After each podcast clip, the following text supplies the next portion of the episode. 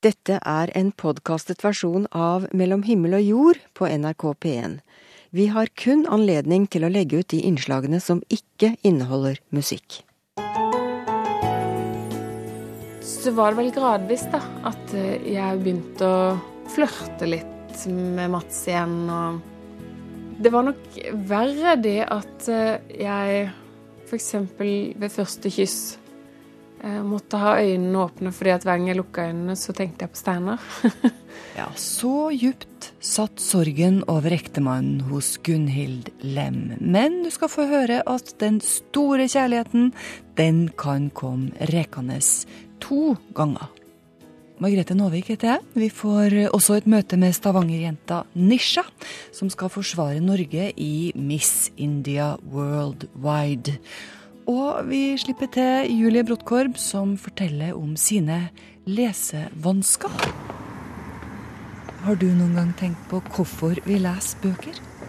På fredagen, da jeg gikk de 100 meterne fra parkeringsplassen og inn døra her på NRK i Trondheim, så var det ei ung dame med ildrødt hår som gikk parallelt med meg, sånn 20 meter lenger bort kanskje, som leste i ei bok. Altså, hun gikk og leste i denne boka som hun syntes tydeligvis da var så spennende at hun ikke greide å legge den fra seg på denne korte veien fra parkeringsplassen og til inngangsdøra. Eller eh, var det kanskje noe annet som gjorde at hun fokuserte på boka si? We read to know that we are not alone.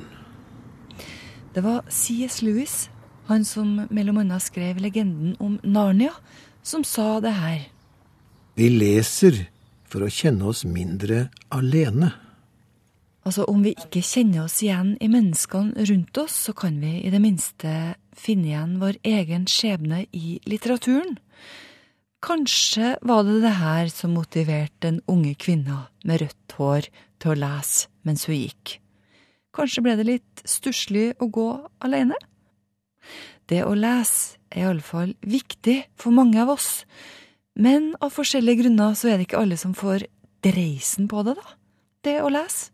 Klart at den der følelsen når alle begynner å le, og du kjenner at du ikke helt har forstått hva du har gjort gærent, den sitter nok eh, i for et barn når man har opplevd å bli, ja, bli ledd av i klassen.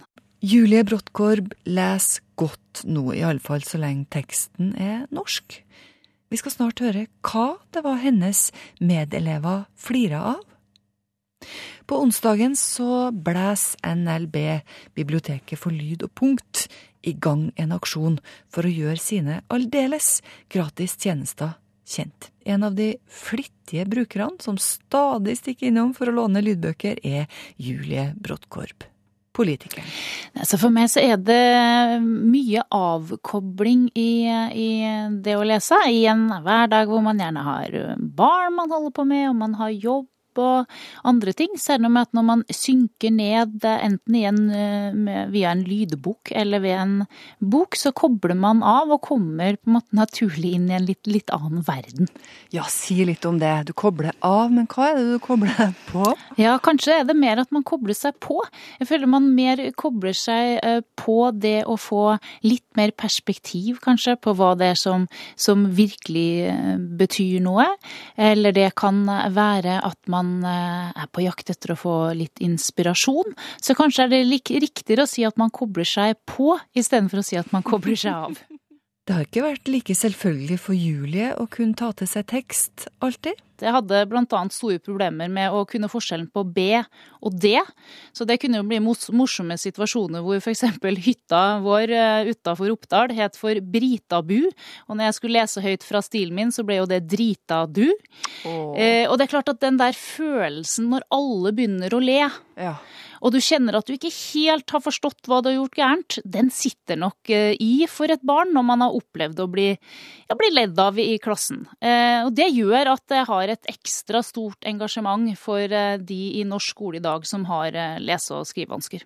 Og Julie ble sjøl utsatt, skal vi si det, for et sånt engasjement i sin barndom. Jeg hadde en fantastisk eh, mor, eller jeg har en fantastisk mor, som da brukte sin tid på å sitte og lese inn alle mine lærebøker. Klart det tok enormt mye tid for henne, men for meg var det veldig hjelp. For vi dyslektikere har det sånn at vi lærer veldig mye enklere og bedre av å høre enn ved å sitte og lese. I dag så kan mødre konsentrere seg om noe annet enn å lese inn eh, skolebøkene på kassett for ungene sine. Nå vet vi at folk med lesevansker ikke er dumme, og det fins andre måter å ta til seg kunnskap på enn ved å lese bøker. Hva ville ha vært annerledes for Julie om hun hadde tilgang på lydbøker den gang? Lydbøker ville gjort veldig mye for familien min, vil jeg si. For det er klart at uh, vi var to søsken.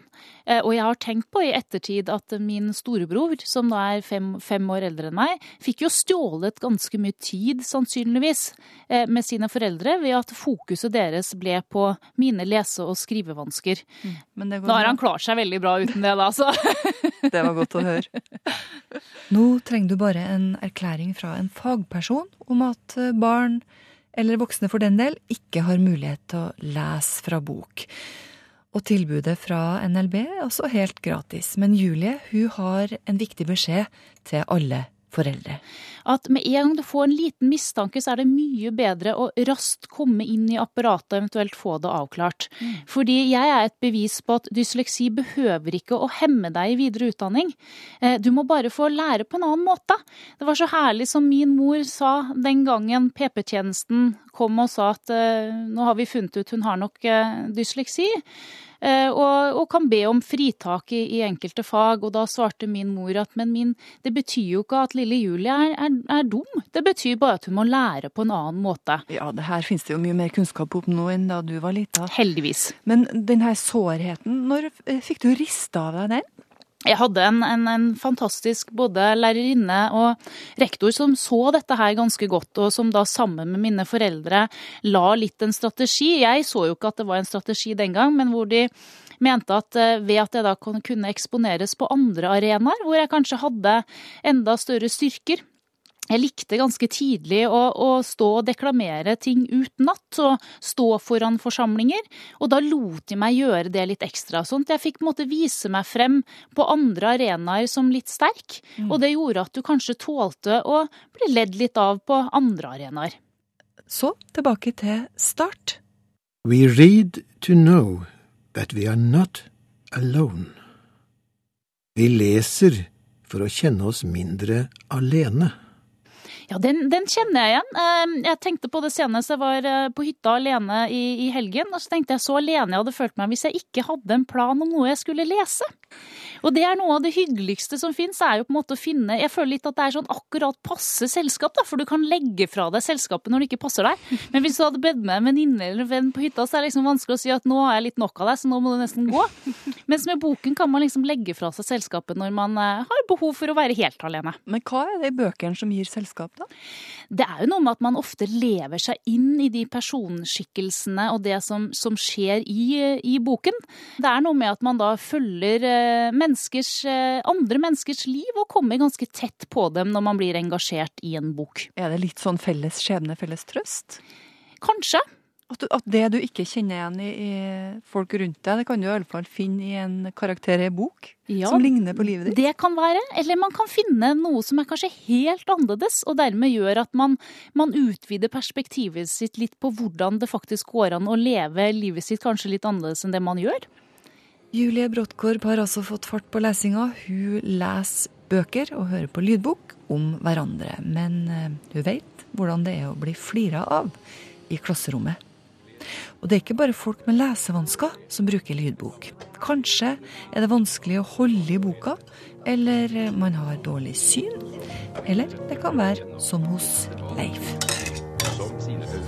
Leif fikk slag for noen år tilbake og ble synshemmet. Det gjør jo en del med en. Men jeg tror noe av det vanskeligste var at han ikke lenger kunne lese aviser og bøker. Og da var det kjekt å få Aftenposten som lydavis.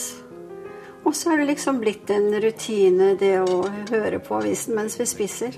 Og det syns vi begge er veldig koselig. Og nå på onsdag så blir det altså ståhei om det her tilbudet fra Norsk bibliotek for lyd og punkt. Giske Narman og Hans Olav Lahlum serverer vafler og informasjon på Egertorget i Oslo. Alle kjenner noen som har problemer med å lese, sier Liv Toril i NLB. Så spre budskapet. Dette tilbudet fins. Les mer på rettilolese.no. For den som leser, er mindre aleine. Er det mulig å bli forelska og lykkelig igjen etter å ha mista sitt livs store kjærlighet?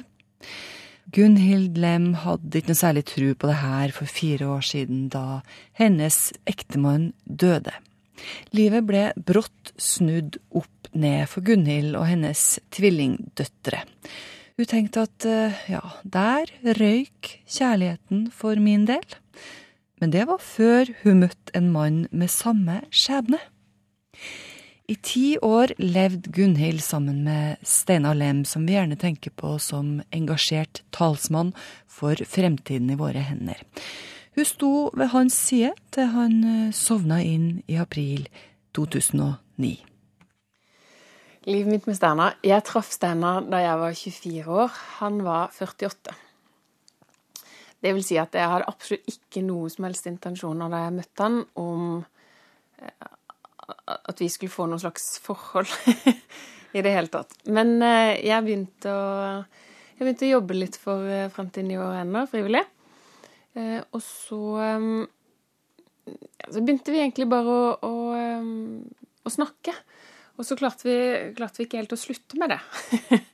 Han var en utrolig kunnskapsrik, belest mann. Eh, jeg har likt å lese hele mitt liv og har slukt eh, tusenvis av sider siden, siden jeg var ti. Um, og endelig så møtte jeg en, en, et menneske som hadde samme måte å lese på. Altså som, som jeg kunne dele mine tanker med, som skjønte hva jeg sa, og som kunne ha sine refleksjoner som jeg følte var meningsfulle, fordi at jeg kunne relatere til det. Det var altså stor eh, aldersforskjell, som du sier, men, eh, ja. men du fant på en måte eh, de tvillingsjel? Ja, jeg gjorde det. Steinar Lem var utrolig fascinerende. Han var bare det store. Jeg var, jeg var helt bergtatt. Gunhild hadde funnet mannen hun ville leve livet sitt med, og i 2002 så hun hvit brud og sa ja til mannen som hun elska.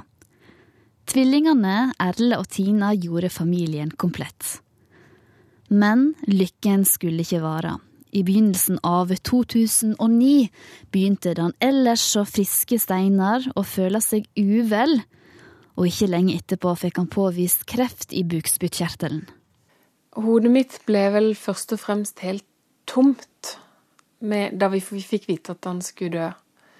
Eh, det føltes bare som om jeg svevde i et tomrom, som om ikke det var eh, noe grunn under oss lenger, som om vi bare falt. Den dagen han døde, var jo en helt um, um, helt sånn absurd dag, omtrent på linje med den dagen vi fikk vite at han skulle dø. Steinar døde seint på kvelden en tirsdag, bare to måneder etter at han fikk vite at han var sjuk. Tilbake satt to barn og ei enke på 33 år. Tvillingsjela og bautaen i Gunhild sitt liv var med ett borte for alltid. Hvor skulle veien gå nå?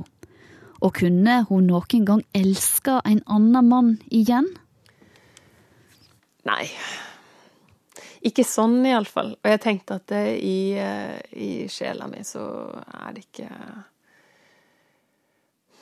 Det kommer ikke til å være rom for, for noen Steinar sa han skulle vente på meg. Eh, og jeg hadde nok òg den følelsen at uh, jeg skal bare prøve å leve så godt jeg kan, så lenge. Det var ikke det at jeg følte meg så overbevist om, om et liv etter døden. Steinar gjorde det. Eh, men, men, jeg var ikke det. Men jeg, jeg tenkte nok uansett at det, dette har vært det store. Dagene gikk uten Steinar, og Gunhild og tvillingjentene prøvde sakte, men sikkert å vende tilbake igjen til hverdagen igjen. Etter noen måneder deltok familien på et sorgkurs i regi av Montebello-senteret. Og på dette kurset møtte Gunhild Mats, som òg hadde mista sin ektefelle Tove. Vi snakka mye om det at vi vil leve, og hva det innebærer. Hva er et godt liv? Um, vi hadde og en felles følelse av at det, nå har vi vært gjennom det verste som kan skje. Eh, heretter kommer vi ikke til å være redd for noen ting. um, fordi at alt blir bagateller i, i sånt perspektiv. Gunhild var glad hun hadde funnet en samtalepartner, og etter kurset tok Mats kontakt. Nei, vi lo litt av at ja, nå tror sikkert naboen at jeg har fått meg ny kjæreste. Um, fordi at vi, uh, vi var som sagt ikke der i det hele tatt. Det lå ikke um, Altså, han ga klart uttrykk for at, eh, at uh, han satte enormt pris på mitt selskap. Og jeg insisterte jo, insisterte jo på at uh, vi kommer ikke til å bli noe mer enn venner, og at For du er jo ikke noe tvillingsjel, som jeg sa til han. Hva var grunnen for at du sa det? Nei, det var jo det at jeg tenkte at eh, For han, var, han er veldig forskjellig fra Steinar, og jeg, jeg, tenkte jo det at, eh, at, eh, Ja, nei, jeg visste ikke helt hva jeg skulle gjøre. Altså, for dette på den ene siden så tenkte jeg jo at jeg må jo finne meg en mann, og på den andre siden så tenkte jeg at men det går jo ikke an å finne den store kjærligheten to ganger. Men så, så mot slutten av sommeren, utover høsten, så kom det vel etter hvert en, en overbevisning hos meg om at eh, Som jeg sa, at vi får bare brenne da. Enten det tar eh, to måneder eller to år eller hva det gjør, så, så får vi bare leve mens vi kan, altså. Hva var det som skjedde med deg den sommeren eh, som gjorde at du turte å ta steget og si til Mats at dette vil du satse på? Nei, altså det som det som skjedde, var vel mer at, eh, at, den overbevisningen om at vi må fortsette å leve, eh, fikk ordentlig fotfeste i meg. Sånn at eh, jeg visste at jeg må gjøre hyggelige ting igjen. Jeg må eh, både høre på musikk som jeg likte før jeg traff Steiner, og uavhengig av Steiner. Jeg må Eh, finne gode opplevelser, fordi at hvis jeg skal klare eh, å være en god mor, hvis jeg skal klare å gi trygghet til mine barn, hvis jeg skal klare å overbevise de om at livet fremdeles er godt, da må jeg lage et godt liv for meg sjøl. Eh, og så var det vel gradvis, da, at, at jeg begynte å Ja, tørre å flørte litt med Mats igjen, og det var nok verre det at eh, jeg f.eks. ved første kyss eh, måtte ha øynene åpne fordi at hver gang jeg lukka øynene, så tenkte jeg på Steinar. og kanskje også ved andre og tredje kyss. Eh, fordi at, at, den sorgen satt så i meg, og den følelsen av at det skulle ha vært Steinar, satt så i meg. Men det gikk jo over, da. Alt Mennesket er jo veldig Ja, vi er, vi er, vi er heldige sånn at uh, vi kan tilpasse oss nye situasjoner. En felles skjebne førte Mats og Gunhild sammen, og Gunhild tror at det er en styrke at begge to har opplevd det samme. Det er f.eks. rom for å snakke om både Tove og Steinar som er borte.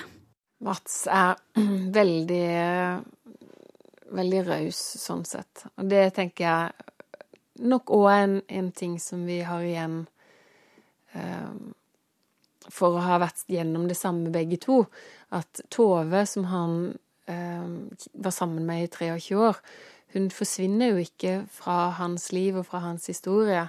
Eh, og Steinar er en veldig viktig del både av min historie og hvordan jeg tenker om ting, og ja, Sånn at jeg, jeg har uh, veldig stort rom til å kunne snakke om Steinar. jeg er veldig glad for Uh, og jeg for eksempel så, um, så har jeg stående en flaske av Steinars yndlingsvin. Jeg har jo arva en stor platesamling, for han var fryktelig glad i, i, klassisk musikk. Men jeg har, ikke, jeg har nesten ikke klart å høre på det, fordi at eh, da kommer jo tårene og alt sånt her. Så har Mats sagt at eh, men vi kan ta en kveld der vi drikker Steinars yndlingsvin og hører på musikken hans, og så kan du få lov til å bare sørge.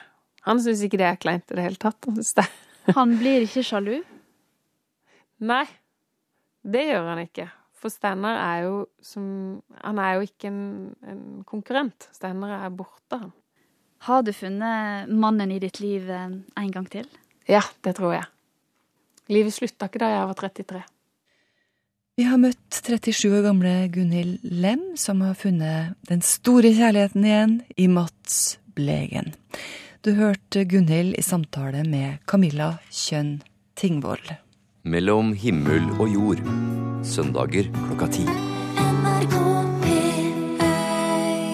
Vi skal møte en miss. Miss Norway, faktisk. For eh, Nisha Harun, som har indiske foreldre, har som første norske jente noensinne blitt plukka ut til å representere vårt land i Miss India Worldwide 2013. Hvis du hørte Mellom himmel og jord sist helg, så fikk du kanskje med deg Anna Lanto, som gjerne framstår som uperfekt i sin blogg, med kviser og hår under armene. Altså Bare noe så enkelt som å legge ut et bilde hvor jeg sier i dag hadde jeg en skikkelig stygg kvise. Annas oppdrag er å få norske jenter til å slappe av med hvordan de framstår. Med Nisha er det annerledes. Bildene av hun som finnes på nett, er 100% kvise og hårfrie. Det her er en sminka og styla jente med rød sari, langt, svart, bølgete hår og en tiara som passer perfekt til kjolen. Nå reiser hun til Malaysia. Ja, jeg heter Nisha Harun. Jeg reiser nå den 19. og skal være der i en uke og konkurrerer med 44 forskjellige jenter fra hele verden, så det blir spennende. Har du pakka? Jeg har så vidt begynt. ja. Det er liksom, ja, mye å tenke på. det som i alle fall er med i kofferten, er tradisjonelle indiske klær, men også en aftenkjole som hun garantert skal bruke. Da skal jeg gå med en veldig, veldig fin kjole så jeg kunne blitt begravd i, for å si det sånn. Han er helt uh, blå, mørk blå, med masse gullpaljetter. Og så er han nede, så har han på en måte et uh, slør bak, på en måte. Men han følger med din bevegelse, og han er utrolig fin når han er på scenen. Så den er jeg veldig spent til å vise frem. Man får jo den uh, royal-følelsen, da. du føler deg litt kongelig? Absolutt. Kongelig, det, det var ordet. Nisha skal representere hele Skandinavia, faktisk, og indisk kultur i missekonkurransen. Jeg går tilbake til bildene av henne. Hvem er mennesket bak denne fasaden, med perfekt hud og nydelig rød kjole? Jeg vet ikke helt hva jeg venta meg da hun kom på besøk i radiostudio, men én ting er sikkert. Det var noe helt annet som kom. Hei, hei. Nei, du var der? Ja, så. Nisha går ikke rundt i glitrende kjoler til daglig. Det sier seg sjøl når hun f.eks. skal danse hiphop, eller når hun skal ut i ruskevær og lufte sin amerikanske bulldog Gin. Navnet er forresten inspirert av kampsportspillet Tekken. I dag så har han røff, fargesprakende caps med litt eh, glitter på, som hun kjøpte i Egypt i fjor, og en slakk, hvit hettegenser. Hvor har det blitt av den søte, feminine stavangerjenta fra bildet på nett? Det er det som blir så feil, fordi jeg syns ikke utseendet har så mye å si. Det er bare et bilde av deg, men det du står for, og det du jobber for, er det som på en måte vil bli hørt med en sånn tittel. Fordi det er oppsiktsvekkende når du har en tittel, og det kan jo gjøre folk nysgjerrige på egentlig, hvem du er. Mm. Og det er det jeg vil gjøre folk bevisst på, og det er mitt, min intensjon i å være med i konkurransen. Men det har jo litt med utseendet å gjøre, for ei skikkelig kvisete jente med tynt, pistrete hår. Hadde ikke noe sjanse i den konkurransen der? For å være helt ærlig, det er veldig uforutsigbart. Hun som vant i fjor, hun var helt alminnelig jente. Og jeg syns denne, iallfall denne Miss India Worldwide er en konkurranse som står nettopp for dette. At det, det, har med utstråling å gjøre. Det har med at du er på en måte vakker utvendig og innvendig ut ifra hvor mye du er selvsikker på deg sjøl, uansett hvordan det ser ut. Så det, det sier seg sjøl når du ikke har eh, på en måte swimwear-runde. Ja. Det har ikke de i konkurransen. Det, det, er ikke fokus på kropp, det er mer fokus på ditt arbeid og det du har jobba for, og dine hobbyer, og det du har å vise til allmennheten akademisk og personlighetsmessig og sånne ting. Og Nisha hun er opptatt av menneskehandel og dyrevern. Aldeles politisk korrekt, altså. Man kan eh, mistenke henne for å ha henta fram en klisjé fra skuffa til passende bruk, men så er det det, da, at Stavanger-jenta også er et forbilde i det hun gjør. Et forbilde for desi-jenta, som hun sier. Jenta med sørasiatisk opprinnelse, som hun sjøl, som har foreldre fra India. Hun har alltid sprengt grensa og tatt utradisjonelle valg. Som da hun til tante og onkels store overraskelse sprengte seg ut av det indiske kvinnebildet og begynte å danse hiphop for 15 år siden. Altså, det var veldig uvanlig, fordi som i den tiden så var liksom indiske jenter sett som å være veldig feminine og på en måte du skal, De skal være så pene og rene, ja. for å si det sånn. det, det ble var... litt for sånn brutale bevegelser Absolutt. med hiphop? Ja. Det er liksom den der gutteholdningen som var veldig tabu i den tida. Ja. Så tenkte jeg uansett hva folk sier eller syns, så er det bare det vi ønsker å gjøre og drive med. Men det er flere ting du har gjort som er litt guttete? Ja, jeg har for eksempel uh, vært i førstegangstjenesten. Mm. Det var veldig tungt. Veldig utfordrende fysisk, men det var absolutt verdt det. Man lærer så mye utrolig mye av seg sjøl. Ja, hva var det du lærte da, om deg sjøl? Eksempel øvelser. Det, man, det, er veldig lett å på en måte si til deg sjøl OK, dette klarer jeg ikke, dette er for tungt. Men har man sterk syke og har lagkamerater som støtter deg, og bare 'dette kan du, dette får du til', og Så du, klar, altså, du lærte at du klarer mer enn du trodde? Ja, absolutt. Mm. Det militære har lært meg å ta valg som på en måte ikke jeg lar hindringer stoppe meg, da. Så Nisha skal forsvare Norge, både som missekandidat og som soldat, hvis det skulle trengs. Men til daglig så danser hun også hiphop, går rundt i hettegenser og lufter bulldoggen sin. Og hun har realfagsutdannelse. Det her tar hun med seg i kofferten når hun reiser rundt i Malaysia denne uka, sammen med rettetanga, som hun absolutt ikke kan klare seg uten. Ja, hvis du glemmer den, Nisha Harun, da Åh, Da tror jeg at eh, jeg hadde Hva hadde jeg gjort? Jeg tror jeg hadde mm, tatt på en caps.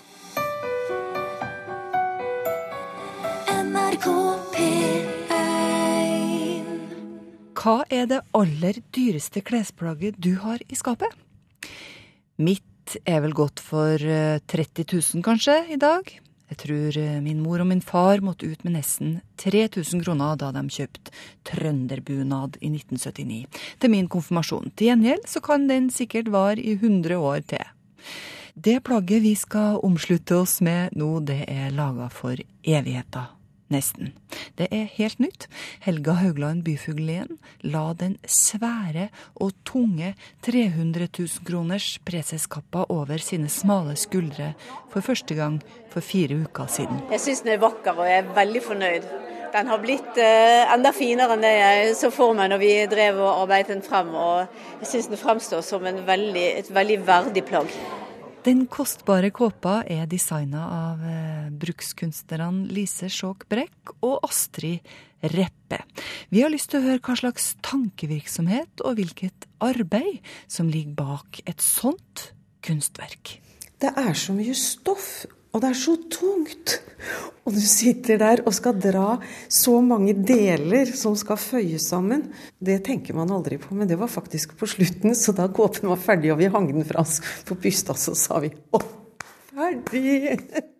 Preseskåpa er lagd av mørkeblå bomullsfløyel fra Tyskland, og det lyse fòret er laga av fast silke fra Frankrike. På baksida og framsida er det trykt små og store symbolske detaljer i duse farger. Når man begynner å regne på dette her, materialkostnadene er veldig høye. Dette er ikke noe man blir rik på. Dette er et ærefullt oppdrag som de aller fleste som jobber med de tingene Astrid gjør og jeg gjør, syns det er morsomt å ha gjort en gang i livet. Lise og Astrid har jobba sammen før om kirketekstiler, men å lage en preseskåpe syns de både var litt skummelt og utfordrende.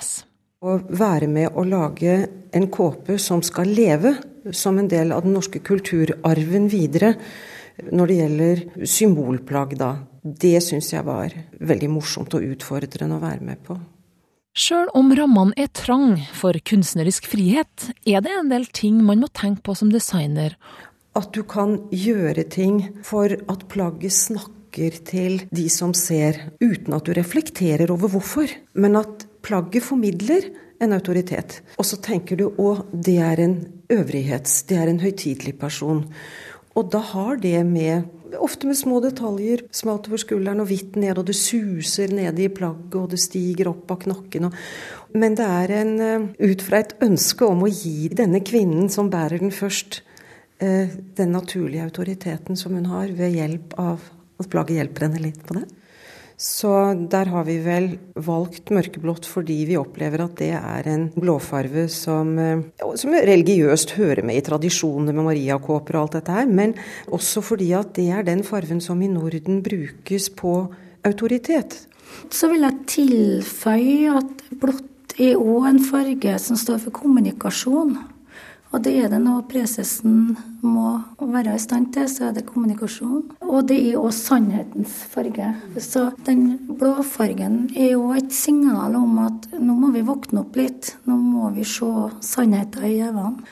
Og hva er sannheten, da? At vi må ta vare på skaperverket. Nå. Før det er for seint. Så det er en miljøaktivistisk preseskopp, altså? Ja, litt. Litt rann. Astrid har stått for utsmykninga, og hun har mange tanker bak alt det som dekorerer kåpa. Første ideen var skaperverket. Jeg ønska på en måte å få et mildt fokus på det. Sånn at vi kan ha litt ettertanke i forhold til hva det er som skjer rundt oss. Sånn som det framstår i dag, og hva vi menneskene gjør med skaperverket i dag. I dekorasjonen på kåpa kan du finne mange eksempler på skaperverket. Den utrydningstrua spurven er sentral som et symbol på ønsket om at alle, små og store, skal være inkludert i kirka. Du finner tistelen fra Middelhavet, akantusranken som skal vise den støttende rollen preses skal utgjøre. Rosa som symboliserer Jesu kjærlighet, og en hjerteforma drueklase, et bilde på Jesu blod. Etter juryens ønske finner du òg den kjente dua som er et tegn for Den hellige ånd, og både Olavskorset og rosevinduet er der som en klar tilknytning til Nidarosdomen. Men spredd her og der utover kåpa finner du òg noen bitte små symboler. Du ser de små dråpene her.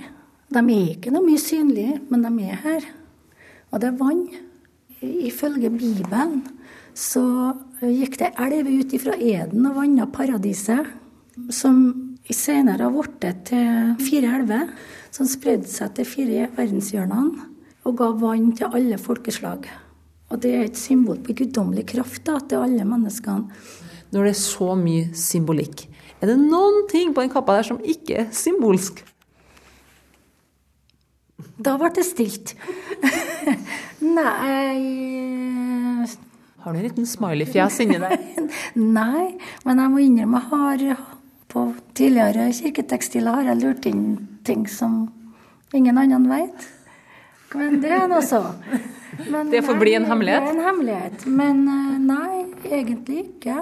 Nei, Det høres ikke ut som vi kan by på en eneste usymbolsk nå har det blitt mye timer i Bibelen å studere tekster og symbolikk. Altså, du må ha gjort et forarbeid for å kunne utforme en sånn kåpe? Ja, det har vært en del forarbeid og veldig mye tankevirksomhet. Jeg har lest eh, både på nettet og har lest bøker. og har lest litt i Bibelen òg. Men det er vanskelig å kunne dekke overalt. Så jeg som ikke har en sånn teologisk bakgrunn, så må jeg bare plukke ut det som passer til den oppgaven, og som jeg sjøl kan stå for. Hvordan har det her arbeidet med å lage denne for din tro? Det har nå betydd veldig mye for meg sånn personlig, det har det. Jeg har vært nødt til å tatt stilling til en del ting som jeg kanskje ikke hadde så lyst til å gå inn i, men eh, det har jeg gjort og det jobber jeg med fremdeles, da. Ja. Så er det her noe som du tror på? Jeg kan eh, stå 100% for det innholdet i kappa. Min tro, da, det er at Gud er for meg er kraft som er i naturen, i skaperverket, i menneskene, i alt. Kall det allestedsnærværende, da. Og den krafta kjenner jeg er veldig sterkt. Og det, jo gamlere jeg blir, jo mer syns jeg den trer fram. Og da òg respekt for det som er skapt. For meg da, så er det like viktig å gå ut i naturen og ha naturen som et kirketak som det er å være inne i kirke. Men på en måte, den kappa her, den tar naturen inn i kirka, samtidig som en tar kirka ut i naturen. Så det er en sånn dobbelthet i det som er viktig for meg personlig, i hvert fall. Hva har rørt ved deg når du har jobba med det? Det tror jeg nok kanskje er så enkelt og så vanskelig som at å se dem som faller utenfor. Og det er mange.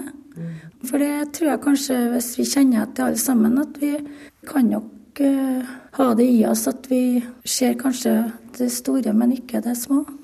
Men jeg tror det at uh, å gå noen runder med seg sjøl hva det er som er verdier, varige verdier, da, så er det nettopp det å se det store i det små.